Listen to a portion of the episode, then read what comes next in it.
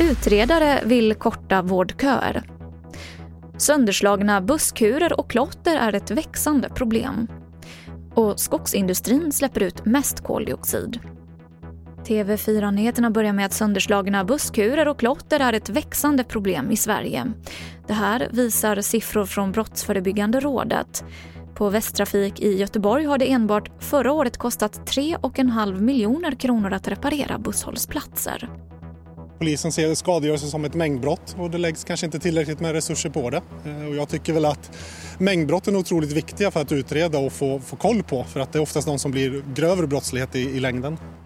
Det sa Fredrik Högbom som är säkerhetschef på Västtrafik. Tillgänglighet till vård måste ges högsta prioritet. Det här skriver regeringens utredare Gunilla Gunnarsson i en debattartikel i Svenska Dagbladet om hur vårdköerna kan kortas. Hon vill bland annat att det ska finnas ett nationellt system där ledig vårdkapacitet görs sökbar så att patienter enkelt kan hänvisas till vårdgivare som kan ta emot dem.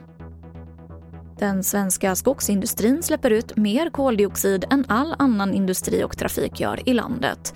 Det här rapporterar SVT om. Det rör sig om omkring 80 miljoner ton koldioxid enligt forskare på Umeå universitet. Och vi avslutar med att just nu så pågår kock-VM i franska Lyon.